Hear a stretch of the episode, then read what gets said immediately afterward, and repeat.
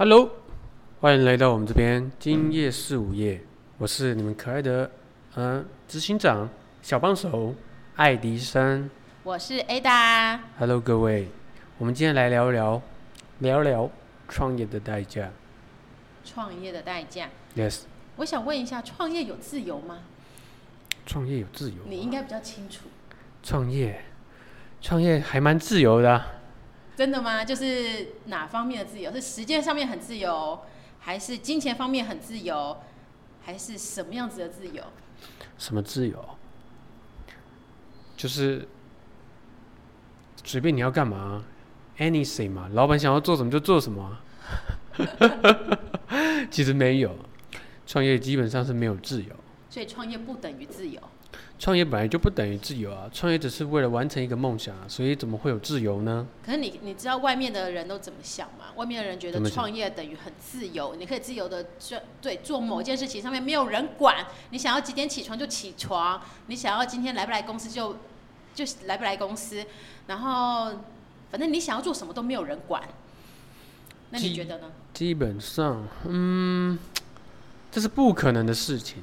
我讲讲我自己好了，呃，自从你开始创业以后，自从我开始创业以后呢，嗯、你的心路历程，但是不要讲太过，我们会太忧郁。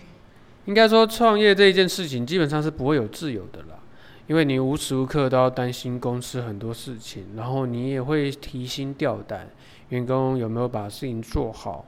然后第二件事情就是说，你会担心公司的营业额跟所有一切本来不该担心的都会担心进去，比顾小孩跟顾老婆还麻烦。所以创业这一件事情本身就不会有所谓的自由，因为你的你就算就算人在外面放假，放假好了，我跟你们说，你们的心还是会在公司。所以基本上有没有自由这件事情是 no 不可能 impossible。可是这件事情不是应该是员工要担心的吗？员工要担心，心有没有业绩，然后行销要担心他们有没有做好完美的行销，然后这些事情都是员工要担心，不是老板应该担心的，不是？可是说实在话，员工我我这样讲有点奇怪，应该说不能讲用员工，应该说同事他们其实不太会担心这一件事情。基本上这一件事情一定是我们要担心的，因为如果说这一件事情变成是同事在担心的话，我想老板的角色就不会存在。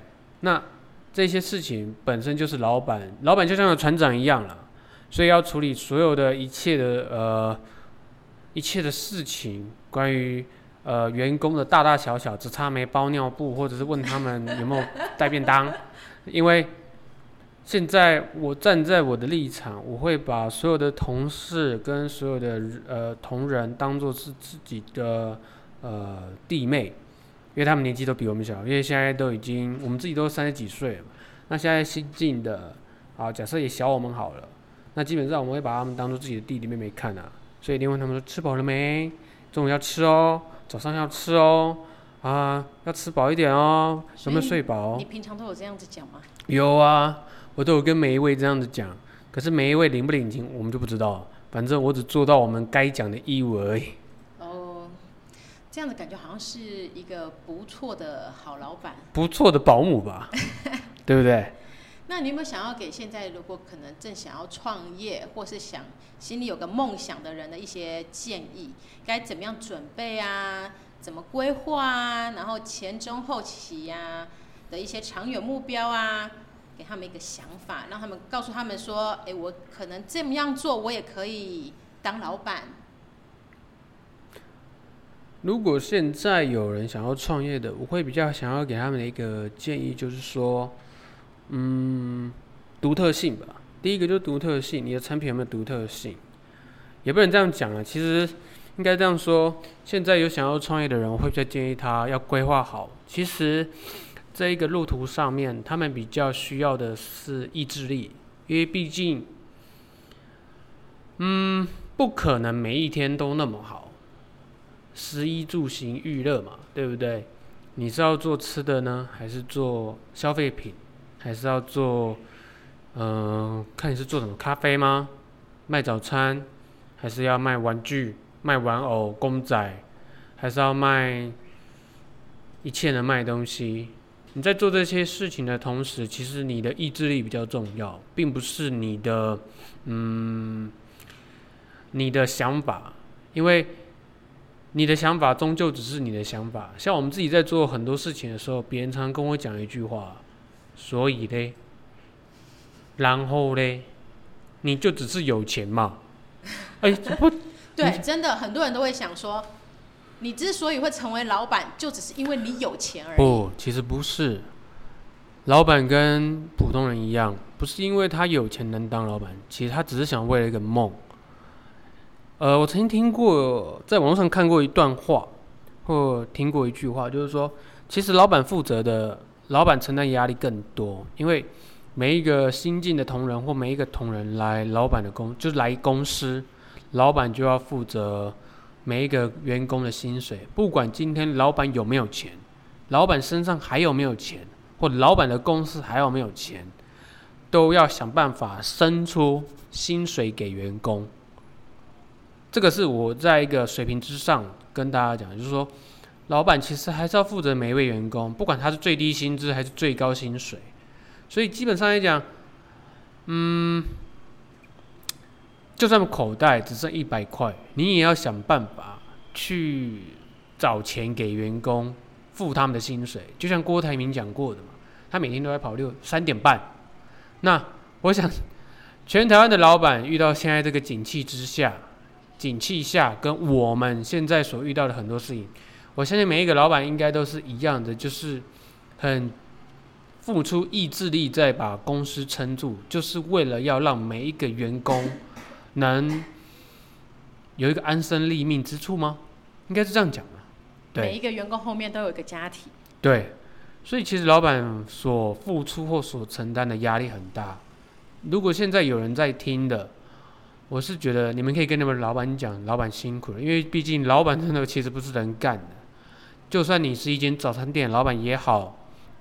咖啡厅的老板也好，或未来你想要去开咖啡厅或开早餐店的人也好，其实都要想到一件事：你们的意志力成真的很重要，并不是只有单单的只有想法。因为我们单纯，我我们刚刚在创业的时候，其实也是单纯只有想法。哦，很天真无邪、浪漫，就跟那个就是有个梦嘛，就是有个梦，就跟幼稚园的小孩子一样。我长大要当消防员。其实我们的想法也是很简单，只想要做一些大家或者是别人喜欢的东西，喜欢的东西，跟别人不会做的东西，跟别人不敢做的东西，就是这个想法。我相信创业的人都有这个想法，或者是同事啊，我我不要一种老板的想法去讲啊，就是说，其实每一个人都有他们的想法，敢跟不敢而已。不敢不敢的好，敢有敢的好。那我真的觉得每一个人可以各司其职。那当你当想要创业的人有这个想法的时候，其实你要去问自己有没有办法承担那个压力。每一个月，你可以去模拟或想象一下，如果你有半年以上都没有所谓的收入，每一个月要给十万、二十万或三十万的。基本开销的时候，是房租租金啊，或是你不请员工好了，但是你要负担房租租金，然后你的可能买一些生产器具啊、生材器具这一类的，你可能要缴的一些贷款啊什么的。对，你们有办法这个样子吗？我这样讲比较快。你们有办法就是？其实我觉得最重要是你要如果有另外一半，你要先征得另外一半或是家人的同意才能创业。其实创业本身就是要家人同意，不是说一股脑儿去创业，因为这个路途上不是那么的简单。所以不能自己先创业，以后再跟老婆或是再跟。不能先洗头，你知道吗？因为就跟生小孩子一样，其实就跟其实不能说跟生小孩子应该说。先有后婚，小孩子好处理，可是公司不是很好处理的事情。对我来说，因为公司比小孩更棘手，因为公司是一个呃，一个一个一个一个点，一个面跟一个一个目标地性，它没有办法像小孩子一样，因为小孩子是个体，它是有生命，公司是没有生命的，是要由我们去呃创造生命给他，所以公司开公司这一件事情，一定要征得家人同意，或者是跟父母讨论。那如果给你也想要给想要创业的人，怎么样去说服自己的家人或是另外一半？你会给他们什么样的建议？基本上来讲很简单，先问太太，第二个问自己，你自己平常在工作或者是在呃做一件事情的时候，你的意志力够不够？就假设说，以学一个软体技能，或者是学一样技术，你在学技术的时候，你有没有办法长时间的忍受孤独，跟长时间的专注在一件事情上面？那个意志力，其实就是意志力而已啦。如果可以的话，再来进行下一步。可是意志力这种东西是虚无缥缈的东西，你有没有一个比较确切一点的东西？比如说，呃。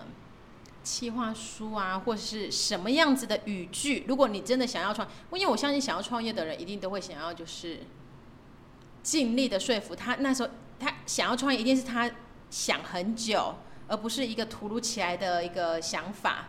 那怎么去说服对方？如果以你的想法，他真的很想要创业，他也觉得他自己的意志力够。我们先不管他之后意志力够不够，那他如果意志力够，他要怎么样去说服，或是？怎么样去做，另外一半才会相信，并给他一个尝试的机会。因为如果没有尝试过，真的所有人都不知道他会不会去做这件事情。企划书应该这样讲，企划书嘛，我终我终究还是认为企划书只是个纸张，它并它不是，也不是不必要，它是可以算是必须。那最重要的是。站在一个父亲的立场好了，这样讲比较快。当小孩子热衷一件事情的时候，你可以从他的眼睛或者是他的言语谈吐之间看出，呃，看得出那个热忱。气话书只是一个辅助，它是可以让长辈或让另外一半或让自己知道你的前中后短期的规划。其实这个规划只是一个制式规划，所以。一千万而会变，会因为时间、地点发生的事情、人事物而改变。所以，企划书基本上来讲，它是要让自己跟让另外一半或者是家人了解到你要冲下面挖哥，你知道所以你很支持说，应该说你很建议要创业的人，其实都应该准备一本计划书喽。我是觉得要了，因为毕竟创业并不是打电动，打电动死掉可以重来。还可以用金手指开外挂，你知道吗？所以企划书是必要。像我也有准备过企划书，我还准备了三种不同版本的企划书。那接下来就是热忱嘛，谈吐之间，还有你平常的意志力、跟你的毅力、跟你的呃你的想法，这些才有办法具备构成很多的元素。接下来可以就可以嘛，可以就创业，不可以那再来想办法。可是，如果另一半突然讲说：“你有钱吗？你觉得你做的东西，或是你想要完成的事情，真的能成功吗？”那这这时候，你觉得你会建议这些创业者应该怎么样去跟老婆或是家人去做说服这件事情？说服哦，其实如果以金钱上来讲，我们先撇开金钱，因为金钱会是主要的嘛。我们先撇开金钱来说。以其他来说的话，说服太太或说服家人，我觉得是看那个吧，应该是看你平常或者是你的资历吧。如果说你都没有做过业务或做过所谓的行销，你只是一个呃，可能是本身是某某个公司以前的什么呃工程师，或者是没有做过对人群接触的工作。如果你要创业，我相信其他的人应该会投反对票，连我都会投反对票。可是如果你有接触过人群，你的资历也不浅，啊，假设说你做过业务，或都是在接触人群，跟人常在聊天，那我相信这个的可行性就会占差不多四成至五成。那接下来就是钱嘛，对不对？钱是占最大宗，看你是要卖什么，你是要开咖啡厅，一百五十万。开全家 Seven Life 一百五十万，还是你要做呃卖玩具，还是卖卖卖保养品，或者是卖或做贸易，或做贸易，或做或或开设计公司，其基本上来讲，你都要先规划好很多的事情。那像我就其实像我当初也没有规划到那么多的意外、意料之外的东西，所以也会蛮捉襟见肘。你自己其实呃，创业的人、创业者其实都要规划很多。你有没有办法撑一年或两年或半年？或者在什么时候要回收，然后你要忍受很多孤独，那我相信你也会遇到很多的奇葩。第一个，你当你在开始创业的时候，你会遇到很多的人，或者是你的供应商会开始来找你，叫你下很多很多很多的东西，让他们的业绩很多很多。这个时候你就要控制住自己。那我就是没有控制住好，还遇到了很多奇葩。那说实在话，这也是学到教训。那第二个就是说，你会遇到另外一个孤独，就是呃，很多人常在说，或者是网络上很多人常在讲，就是当你创业了之后，很多人会离你而去，很多人会进来你的生命中。那这个离你而去跟进来生命当中，其实有好有不好，自己要定立得住。马云有讲过一句话：创业不是请客吃饭喝酒。这句话一定要记在头脑里，因为我可以百分之百保证，当你创了业之后，身旁一定不乏这种人。不是说要来蹭饭，或者是来喝吃饭喝酒，no，不是。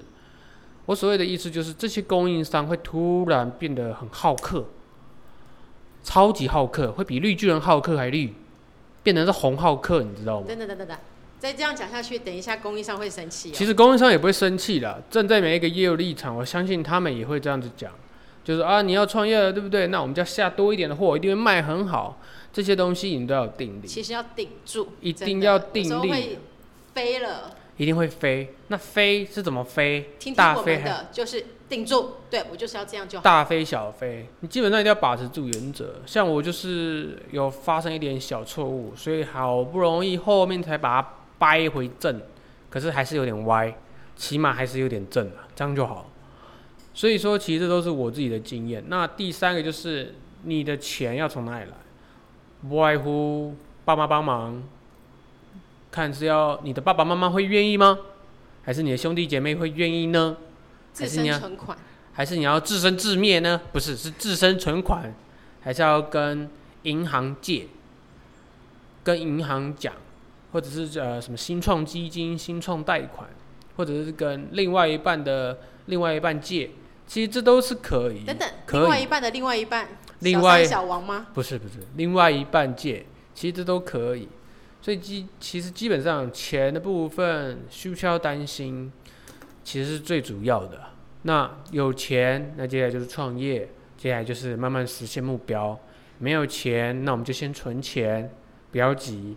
因为我在嗯二十六岁、二十四岁的时候也想要创业，我也是被压住，压到三十岁、三十一岁才开始创业。所以这段过程其实我觉得都可以学经验，唯独一件事情我会比较奉劝给所有的，就是愿意愿意愿意听我们的人，想要创业的人，就是说，跟供应商在谈论任何事情的时候，千万记住保守就好。这些供应商会看到你的口袋中的钱，或者是知道你在创业的时候，眼睛会发的，眼睛会像那个会像那个探照灯一样，比你的眼睛还亮。那个时候，如果你有定住，就可以帮你省到钱；如果你没有定住的话，我可以百分之百保证，你公司就算发生任何事，供应商也不会理你，而且供应商一定会想尽办法叫你把钱掏出来，百分之百保证。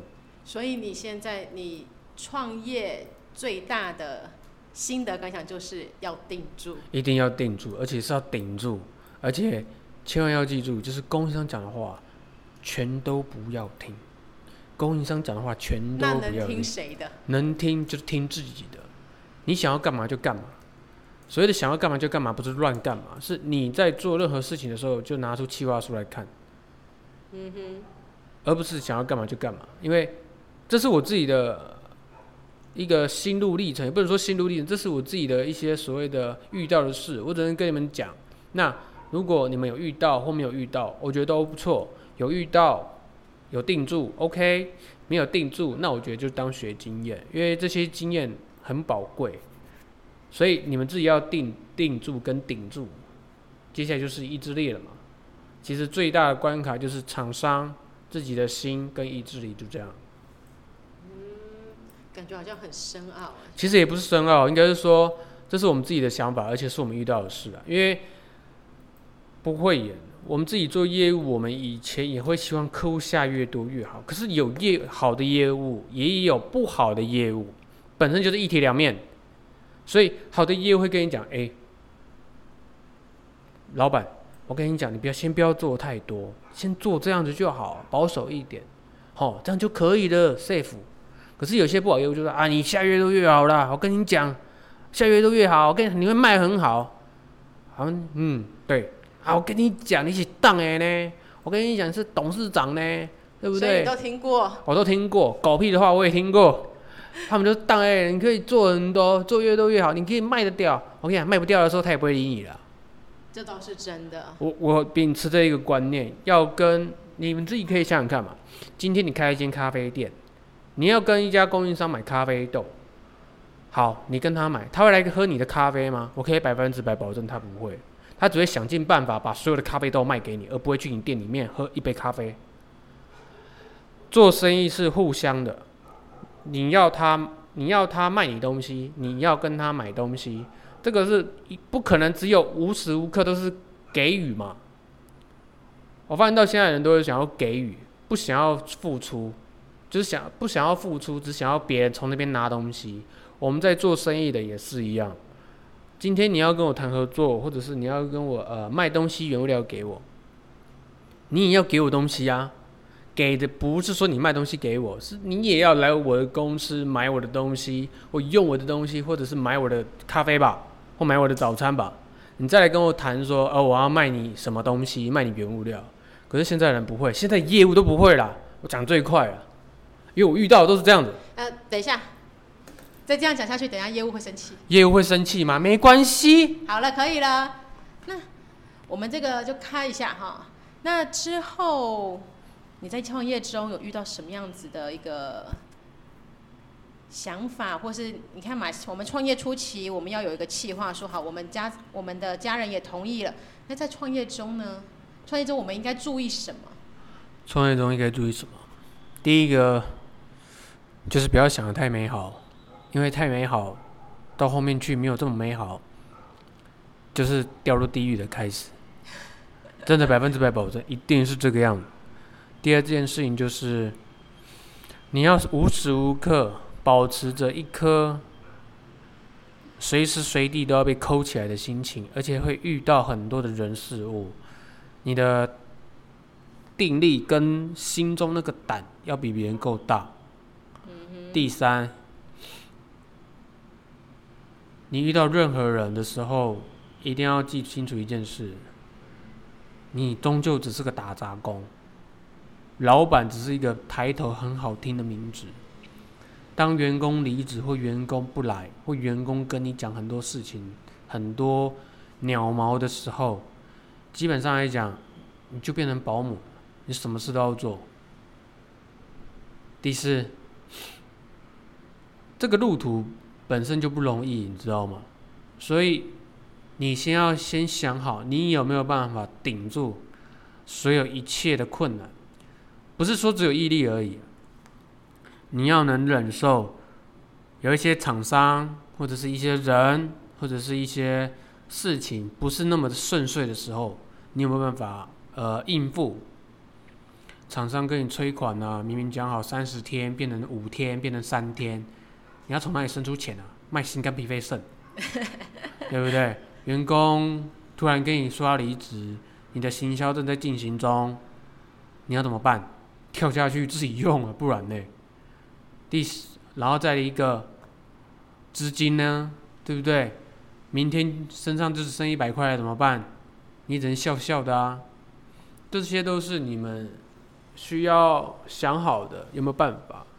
我并不是要把创业讲的很恐怖，只不过创业本身就是这么恐怖的事情。当然有好的一面，也有坏的一面啊。我们先讲坏的一面嘛。那好的就是赚很多钱，好多好多的钱，可以买很棒很棒的车子，就是这样子。所以要先给他打强心针，是不是？对啊，可是记住，创业是君子爱财，取之有道嘛。我们要赚什么样的钱，自己要先想好，对啊。所以就是其实很多的强心针要先自己打在自己心脏上面，打完一剂强心针之后，隔天再打一针，然后遇到员工之后再打一针，然后突然就是不要摔东西，千万记住不要摔东西，因为摔东西没有办法解决事情。好，所以你有被摔东西过吗？我没有摔东西过，可是我觉得很多鸟毛我都遇过了，只差没有遇到灵异事件而已。所以刚刚我我们有提到那个企划书。那我们需不需不需要设立一个短期、中期跟长期的目标呢？